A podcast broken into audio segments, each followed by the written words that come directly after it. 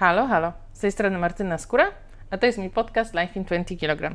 Zachęcam Was do subskrybowania moich kanałów na Spotify, Apple Podcast oraz innych aplikacjach podcastowych, abyście wiedzieli, kiedy pojawia się nowy podcast oraz śledzenia mnie na kanałach social media, na Facebooku, Instagramie, na blogu i na YouTubie pod tą samą nazwą Life in 20 kg.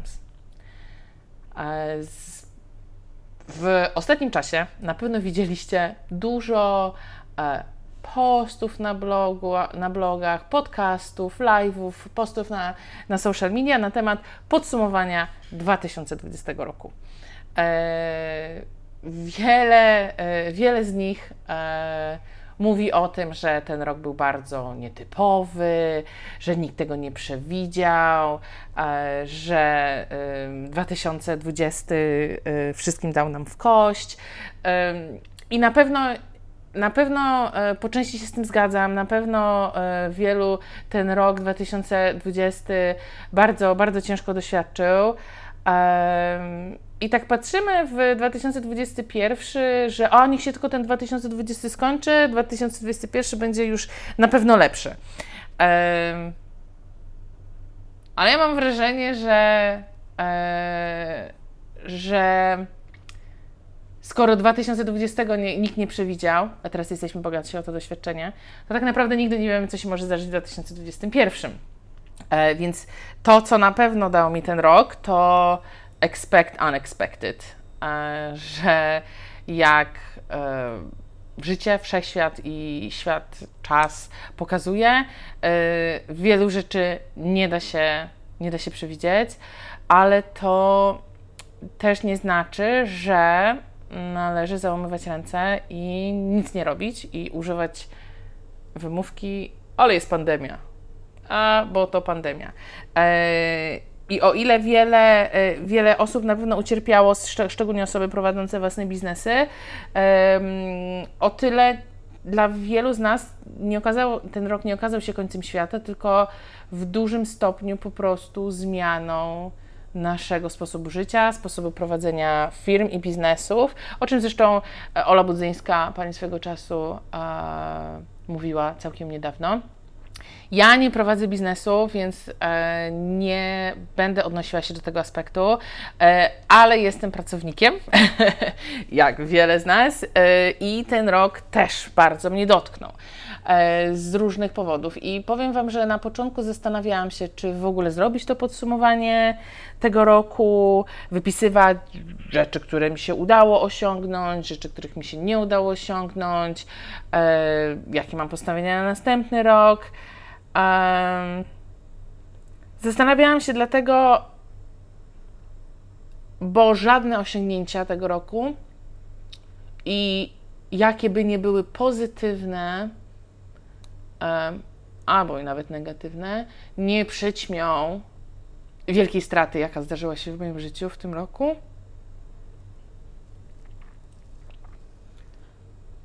A mianowicie, że nie ma już z nami mojego taty co było bardzo niespodziewanym wydarzeniem w naszym życiu. Nikt go nie przewidział, nikt się nie spodziewał. Eee, no i był, to była wielka, wielka tragedia i eee, nadal nią jest.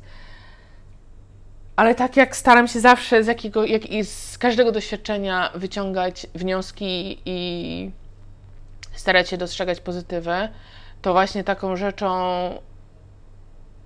w tym czasie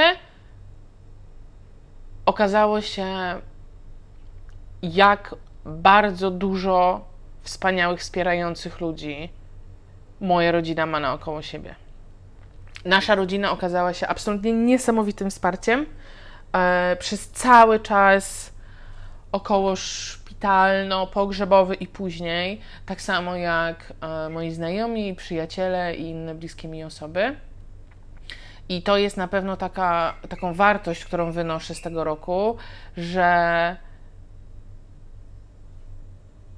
że jestem otoczona cudownymi ludźmi. I nieważne, gdzie jestem, czy jestem teraz na Maldiwach, e, w pokoju na kwarantannie, czy jestem w domu, wiem, że mogę na, e, na pewne grono osób w moim życiu liczyć. Niemniej jednak, tak jak powiedziałam, zdecydowałam się w końcu na y, zrobienie podsumowania tego roku. bo chciałabym, żeby ten rok jednak skończył się pozytywnie, ponieważ było wiele, wiele ciężkich momentów dla wielu z nas w tym roku, ale to nie znaczy, że nic pozytywnego się nie wydarzyło.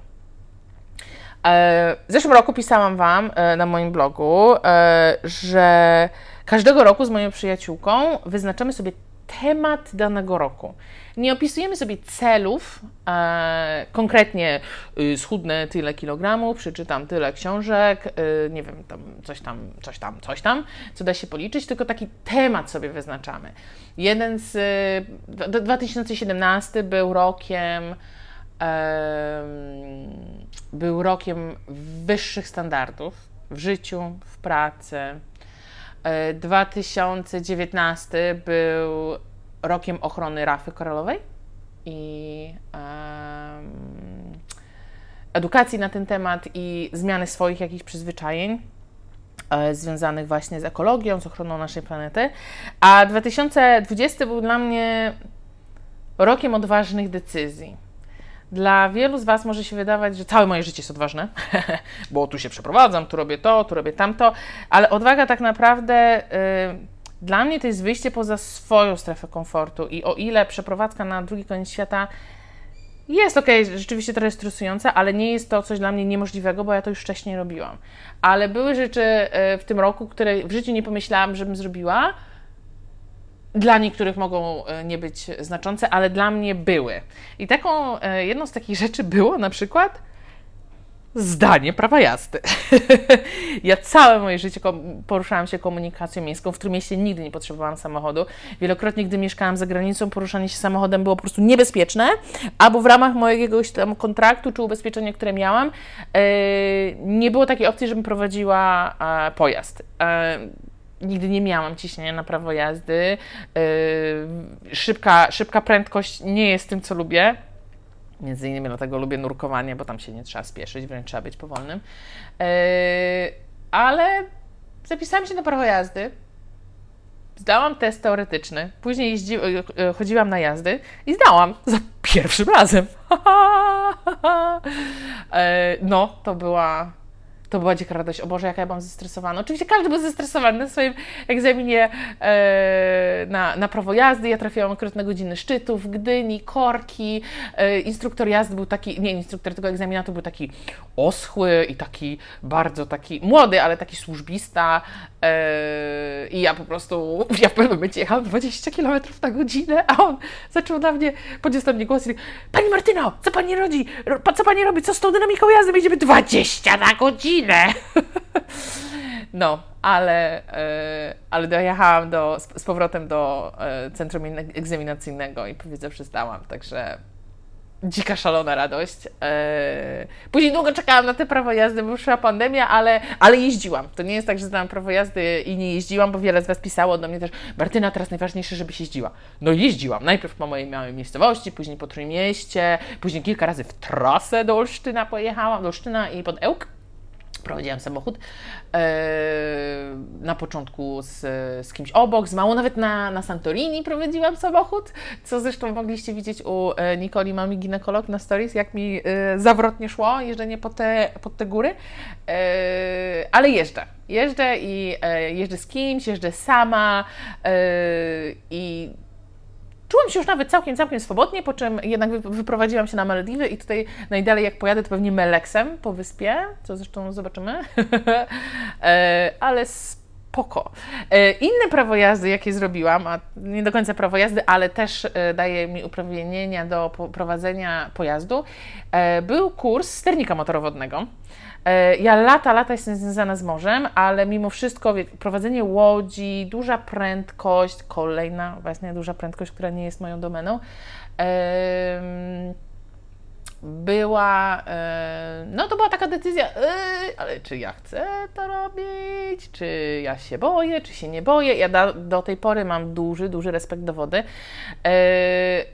ale jakoś tak było, że czułam, że niewiele się ostatnio, bo to był w sierpniu robiłam kurs i miałam takie wrażenie, że przez ostatnich wcześniej miesięcy kilka, niewiele się tak nauczyłam, tak dla siebie, żebym się sama rozwijała, w końcu się zapisałam, e, więc dziabałam przez tydzień teorię, co mogliście widzieć, e, uczenie się skali Beauforta, albo rodzajów chmur, albo innych e, cudów na kiju.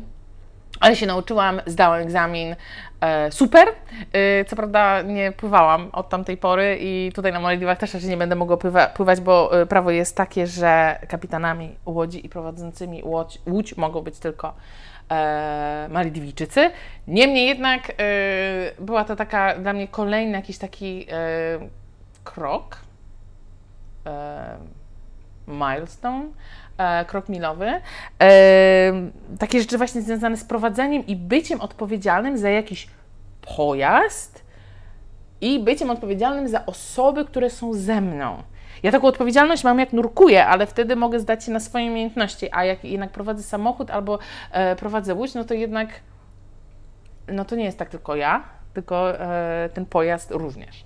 E, kolejną taką rzeczą, e, do której się przemogłam, było morsowanie.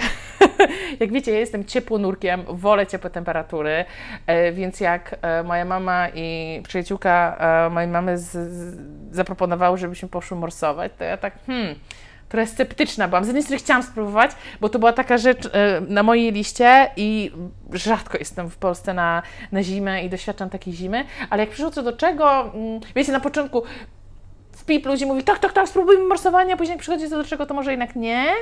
To też miałam takie obawy. No jak już pojechaliśmy na te, te tam karwieńskie błota, to yy, już nie było wyjścia, to jednak, jednak się wzięłam do kupy i, i morsowałam. Yy, I nie było tak źle. Powiem Wam, że super, super adrenalina i super uczucie. Także jeżeli nie próbowaliście, a jednak się boicie, to weźcie sobie mnie za przykład. Ja pływam w wodzie, która ma tylko 30 stopni. A jednak się na nurkowanie, nie na nurkowanie, tylko na morsowanie zdecydowałam. No i później, tak jak wszyscy doświadczyliśmy lockdownu, no to był też taki ciężki okres dla wielu, wielu z nas. Dla mnie, jak wspomniałam, ja nie prowadziłam biznesu, więc dla mnie nie, nie, do, nie dotknęło mnie to pod takim względem e, biznesowym. Ja miałam kontrakt e, do pracy e, od maja na Karaibach i na początku e, lockdownu cały czas wierzyłam w to, że e, do maja to tam ogarniemy się i, i, i spoko będzie, bo wtedy nikt nic nie wiedział, każdy miał nadzieję e, i mieliśmy, mieliśmy nadzieję, że o tam miesiąc, dwa, damy radę i w maju pojadę na Karaiby. No cóż, no niemniej jednak, żeby nie zgnuśnieć w dresie i nie wiem, z dużą ilością wina, czy kawy, czy czegoś tam. I nie oglądać cały czas Netflixa, bo po kilku dniach Netflixem po prostu e, żygałam. E, musiałam znaleźć na siebie pomysł. Znaleźć na siebie pomysł jako osoba, która podróżuje, a teraz nie może podróżować, nurkuje, która nie może nurkować. E, I też jako twórca, twórczyni internetowa, ponieważ do tej pory e, pokazywałam Wam podróże, pisałam, e, pisałam o podróżach, relacjonowałam Wam moje podróże z różnych miejsc, a teraz się okazało, że, że, że, że jednak nie, nie, nie, nie mogę tego robić. I też dla siebie, żeby sama nie zwariować i żeby sama do czegoś się motywować. I zrobiłam dwie rzeczy. Pierwsza rzecz to były moje live'y na Instagramie, które na początku e, miały być jakieś tam spontaniczne, z redakcją podróży odbytej zrobiliśmy jednego live'a, a później stwierdziłam, w sumie to fajne są te live'y i można by ich troszeczkę więcej porobić. I tak z dnia na dzień po prostu zaczęłam robić live'y i robiłam je praktycznie codziennie. Jeżeli dobrze pamiętacie, one się jakoś tak zaczęły pod koniec marca. Robiłam je prawie codziennie od poniedziałku do piątku. Raz mi się chyba w sobotę czy w niedzielę zdarzył z Julią z Australii, ponieważ musiałyśmy do, dopasować strefy czasowe. I pra... ile ja robiłam? Przez półtora miesiąca prawie. E, I codziennie. E, codziennie wieczorem o 19 e, spotykałam się z moim obserwatorem na Instagramie i poruszałam jakieś tematy. I na początku to były takie rzeczy związane z moimi podróżami. A, Gruzja, Chiny, jak to się żyje w, na Malediwach, czy jak się nurkuje. O rekinach opowiadam, o ochronie rafy. Opowiadam o tsunami w 2004 w Tajlandii. Takie nie zawsze oczywiste aspekty podróży. O tym, raje nie zawsze są rajskie, o tym jak różne bezpieczne lub niebezpieczne rzeczy się mogą nam przydarzyć w podróży. Później do live zaczęłam zapraszać inne, inne osoby, całą listę. O, Jezu, o czym myśmy tam rozmawiali? Miałam kobietę nurka komercyjnego, miałam e, kobietę pilota samolotów e, osobowych, e, stewardessę, e, z Agi, e, influencerką podróżniczą miałam, e, miałam live'a, miałam live'a z, z Anią z Instytutu Kultury Muzułmańskiej opowiadała o, o religii i o kulturze muzułmańskiej w Polsce. O jeny. Z Ewą Szpilki w plecaku, pilotką wycieczek po, po Afryce opowiadałyśmy właśnie o tym, jak e, jak, jak naprawdę wygląda praca pilota z, z Gosią Szumską, która pojechała na Syberię śladami swoich dziadków i napisała to w książce. E, mnóstwo, mnóstwo, mnóstwo ciekawych tematów. Zawsze starałam się e, słuchać tego, e, czego Wy byście chcieli posłuchać, czego się dowiedzieć. Również to były dla mnie ważne tematy. No i to było dla mnie też takie ważne, żeby tak, wiecie, nie zwariować. Że jednak codziennie czekałam na tą godzinę 19, a już o godzinie 18 to już się zaczęłam przygotowywać, nawet makijaż robiłam, e, zaczęłam, jakoś tak się lepiej ubrałam e, i robiłam, e, robiłam te live'y dla Was i również dla siebie. I wydaje mi się, że to, dla mnie to był super czas, bo mogłam Was lepiej poznać, Wy mogliście poznać mnie i mogliśmy taką więź nawiązać. I to było dla mnie, to było naprawdę super. Te live'y to była taka rzecz, jedna z fajniejszych rzeczy w tym roku, która mi się, e, która mi się przydarzyła. E, również zaczęłam nagrywać podcasty. Trochę, trochę mi to zajęło ogarnięcie technologiczne, bo wiecie, nie jestem tytanem intelektu w dziale IT, ale Jarek z Szalonych Walizek bardzo mi pomógł, także, także super. Zaczęłam nagrywać podcasty. Na początku trochę bardziej regularnie, bo jak była kwarantanna z domu, no to można było spokojnie nagrywać. Później jak zaczęło się, ten lockdown się skończył, to trochę mniej regularnie, ale y, mamy już ich kilkanaście. Ponoć taką y, magiczną liczbą jest siedem, że jeżeli przekroczy się siódmy podcast, to znaczy, że już się będzie jej nagrywać. Także ja już jestem na którymś nastym, chyba teraz czternasty był świąteczny, więc y, super. e, cały czas, że tak powiem, zgłębiam e, tą kwestię podcastów, zarówno tych moich i zarówno z gośćmi. Niestety technologicznie nie jestem w stanie ogarnąć podcastów e, że tak powiem, skype'owo, internetowych, zdalnych, e, ponieważ one też bardzo tracą na jakości. Także e, wydaje się, że przez najbliższy rok będziecie słuchali tylko moich opowieści. Taki złowieszczy śmiech. E, no, e, to były moje podcasty. Później, e, później przyszło lato. Udało mi się wyjechać do 50 kraju w moim życiu, którym była Turcja. To był nasz babski, rodzinny wyjazd z mamą, z siostrą, z Melodyjką. Pojechałyśmy na Santorini. I to był taki moment, kiedy ja w końcu po dłuższym czasie poczułam, jak uwielbiam podróże i ten dreszczyk emocji i ten cały proces przygotowania i samej podróży i bycia w nowym miejscu, odkrywania nowych miejsc, kultury, jedzenia, ludzi. No, to było takie przypomnienie, taki, taki refresher, że tak, Martyna, to jest to, co ty y, robisz całe życie i co powinnaś robić. E, także to było, to było super uczucie móc pojechać do takiego miejsca, które widziało się wcześniej na pocztówkach, e, w broszurach biura podróży, a w końcu pojechać samemu i zobaczyć różne strony. E, to też widzieliście pewnie na moim Instastory, jak opowiadałam o Santorini i pokazywałam te miejsca na Insta foty, gdzie wszyscy mają, a później okazuje, że tam jest w pip długa kolejka, bo każdy chce sobie robić, zrobić tam zdjęcie. E, no i słuchajcie, przyszło, powoli kończyło się lato, i, i zadzwoniła do mnie Monika z Wielkiej Litery, wydawnictwa, z którym rozmawiałam już e, wcześniej, kilka miesięcy wcześniej, na temat wydania mojej książki. E, różne perypetie się z tą książką działy, ponieważ ja książkę pisałam rok Zaczęłam szukać wydawcy. Znalazłam wydawcę Wielką Literę. E, umówiliśmy się na wydanie książki na jesień, później przyszła pandemia, dobra, przełożymy na, e, na wiosnę następnego roku.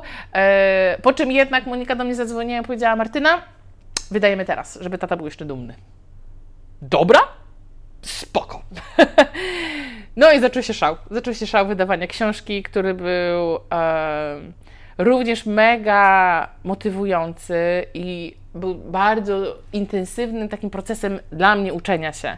E, moja książka, która w końcu miała 416 stron, e, czytałam ją, Jezus, tysiące, a może nie tysiące, ale setki razy czytałam, przerabiałam różne fragmenty. Z korektorką się wymieniałyśmy mailami e, kilka razy dziennie, e, raz z redaktorką o 23.30 czy 50 jakoś tak. E, jeszcze wymieniałyśmy się mailami e, na, temat, na temat książki i ja w końcu powiedziałam, że ja, słuchajcie, ja przyjadę do Was do, do wydawnictwa, do biura i, i tam możemy różne rzeczy omawiać. I planowałyśmy, że to zajmie dwie godziny jednego piątku, a się okazało, że to zajęło tydzień, po kilka godzin dziennie.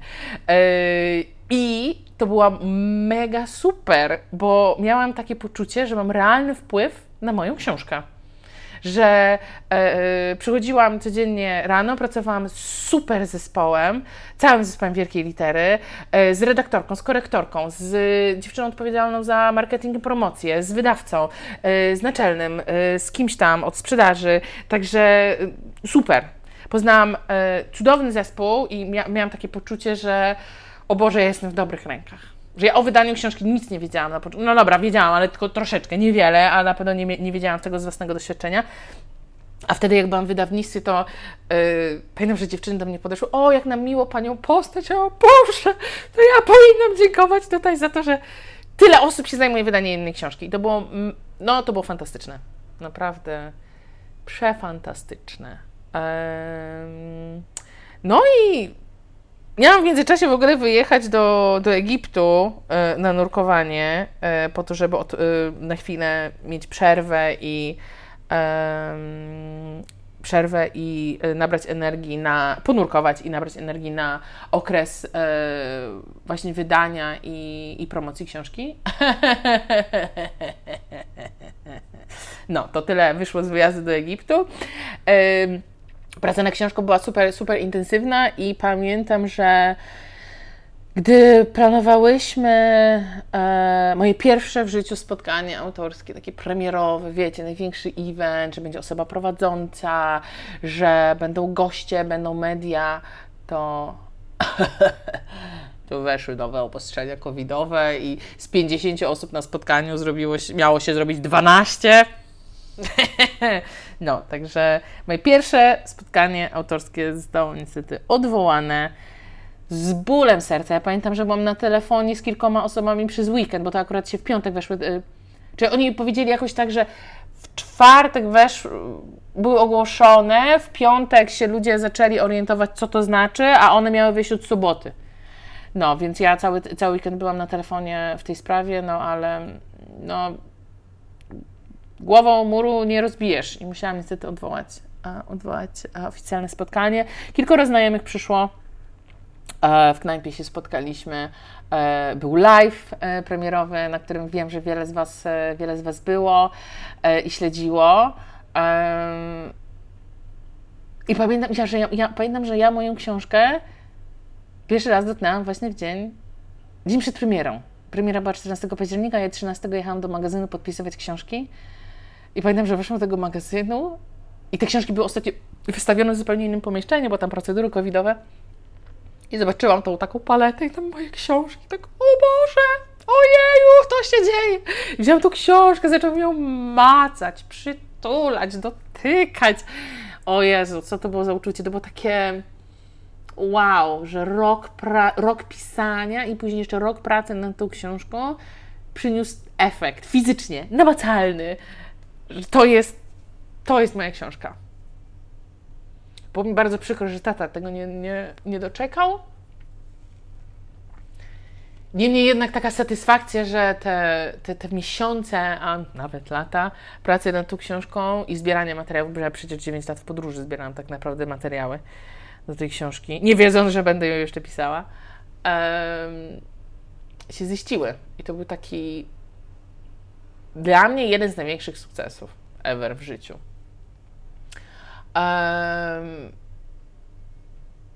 A później, później po, po wydaniu książki, tydzień, tydzień później zaczęły się, e, zaczęło się dziać e, różnie w naszym kraju, a mianowicie e, zapadł pewien wyrok w m, Trybunale Konstytucyjnym, co spowodowało wyjście wielu osób na ulicę. Ja również tam byłam, byłam na protestach w Warszawie, w Trójmieście, w Gdyni, w Gdańsku. Protestowałam również online, na tyle na ile mogłam, ponieważ przez pewien okres protestu byłam sama na kwarantannie. Także na tyle, na ile mogłam, protestowałam. To było też dla mnie takie emocjonalne przeżycie, bo czułam taką siłę, siłę tych kobiet, o czym zresztą pisałam w mojej książce w rozdziale o liderkach, o Gruzinkach. I miałam takie wrażenie, że jeżeli Gruzinki w kraju z takimi problemami potrafią się zjednoczyć i sobie poradzić i wywalczyć coś dla siebie, to miałam wrażenie, że my też jako Polki możemy to zrobić. Protesty dalej trwają, e, przynajmniej trwały do, do pewnego momentu w grudniu przed świętami, e, kiedy nagrywam ten podcast.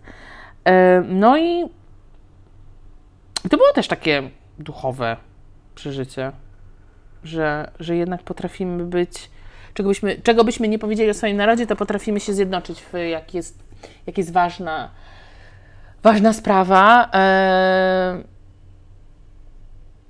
no. I powiem Wam, że no, ten rok też bardzo wpłynął na moje życie zawodowe, bo, go nie było. e, zaczęłam pod koniec jakoś tak w listopadzie mieć taki kryzys e, tożsamościowy, osobowościowy, osobisty, ponieważ jestem instruktorką nurkowania, e, taką karierę i ścieżkę życia sobie obrałam, sposób życia, a okazało się, że w 2020 praktycznie w ogóle nie nurkowałam. Dużo się dokształcałam, uczestniczyłam w szkoleniach online i webinarach, ale nie miałam poczucia, że jestem instruktorką nurkowania. I jak mogę sobie o, o sobie mówić, że jestem, jak nic z tym nie robię, jak nie jestem. Takie miałam poczucie i pamiętam, że potrzebowałam przerwy i miałam takie też wrażenie, że z jednej strony dużo robię, ale z drugiej strony nic nie robię, nie, nie, niewiele osiągam i, i potrzebuję przerwy. I wtedy bardzo spontanicznie w listopadzie podjęłam decyzję o tym, żeby wyjechać do Portugalii e, na dwa tygodnie, żeby właśnie oderwać się, e, być znowu w podróży, e, mieć takie poczucie, e, to jest to, co ja chcę robić, jestem w dobrym miejscu, e, poczucie tej wolności, swobody, samodzielności, no i to był też miał być taki okres pracy nad drugą książką. E, po czym przyjechałam do Portugalii i drugiej nocy dostałam wiadomość, że jest opcja pracy jako instruktorki nurkowania na Malediwach. Więc o godzinie 10 wieczorem wysłałam moje podanie. E, następnego dnia dostałam odpowiedź. Szybko musiałam pisać do byłych pracodawców o listy rekomendacyjne, po czym miałam, jednego dnia miałam dwie rozmowy kwalifikacyjne, każda trwała chyba z, nie godzinę, półtorej każda, z przerwą może 20-minutową. I następnego dnia dostałam odpowiedź, że dostałam tę pracę. I to było tak szokująco szybko. To wszystko się tak szybko działo, ja tak miałam wrażenie, że nie ogarniam, że, że wcześniej, jeszcze przed tą pandemią, to tak szybko ogarniała, pyk, pyk, pyk, pyk, pyk, spoko, luz, a ta, ta pandemia jakoś tak trochę nas rozleniwiła, przynajmniej mnie. I yy, bardzo często słyszałam argument od wielu osób, że a, bo oni chcieli zrobić to lub chcieli zrobić tamto, ale jest pandemia, to nie.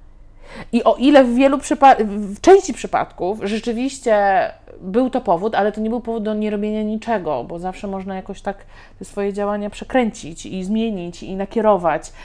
I e, ja też tak myślałam o tym nurkowaniu, że no dobra, skoro nie mogę nurkować, no to może co innego będę robiła, ale z drugiej strony, kurczę, jestem instruktorką nurkowania, bardzo dużo pracy, energii i miliona monet włożyłam w to, yy, w to przedsięwzięcie i teraz mam się znowu zmieniać? To tak jakbym się już z tym nurkowaniem pożegnała. No, ale widać, że wszechświat yy, chyba czuwał nade mną, bo zesłał mi, zesłał mi tę yy, tą pracę na Malediwach i, i szybko zdecydowałam, biorę, pakuję się, zmieniam plany z Portugalii, ewakuuję się w przeciągu dwóch dni i wracam do Polski, organizuję życie w 20 kg i się przenoszę na Malediwy. I, I teraz nagrywam dla Was ten podcast właśnie z Malediwów. jestem na Malediwach. E, gdy nagrywam ten podcast, jest, jestem jeszcze na kwarantannie, e, ale to się kończy za dzień czy za dwa. I sama podróż na Malediwy była bardzo stresująca, bo wszyscy mówili, że pandemia zmieni sposób naszego podróżowania, tylko nie każdy zdawał sobie sprawę z tego jak. I o ile testy na COVID, kwarantanny i tak dalej się pojawiają w niektórych krajach, w niektórych nie, to ja na własnej skórze, podróż na własnej skórze, jak moja książka, doświadczyłam tego, że takie wyjazdy mogą być stresujące, bo ja do, ostatniego momentu, ja pamiętam, że ja czekałam na pozwolenie o pracę, które przyszło chyba w niedzielę czy w poniedziałek,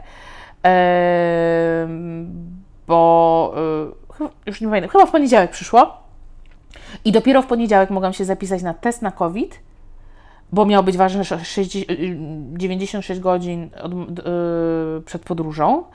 I dopiero jak miałam wyniki testu na COVID, kupiłam bilet lotniczy, bo nie byłam pewna, czy polecę. A jak nie polecę, to stracę bilet. Ale mo mogłabym to ubezpieczyć y, dodatkowo w jakiejś tam dodatkowej firmie ubezpieczeniowej, ale to zawsze pieniądze. Jak, niby jak nie polecę, to mi zwrócą, ale jest stres. I, yy, ja do, do, samego momentu wejścia na samolot, nawet nie odprawy, bo była odprawa i pani lotnisko, teraz sobie z nią zagadałam, i ja się pytam, czy dużo jest osób teraz podróżujących. Ona mówi, że nie, nie ma dużo osób podróżujących, ale jest dużo więcej pracy przy tych osobach, które podróżują, ponieważ e, każdy kraj ma inne wymogi, one się co chwilę zmieniają.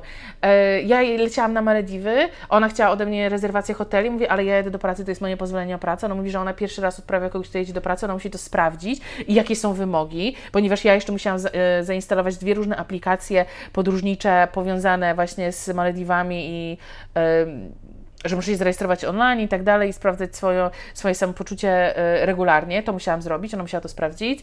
E, później jeszcze był Dubaj, w którym chciałam wyjść e, bo mam tam znajomą góralkę na walizkach, ale nie wiedziałam. Musiałam się trzech urzędników imigracyjnych spytać, czy mogę, bo mam test na COVID, ale czy ja mogę wrócić na tym teście i dalej lecieć na Malediwy.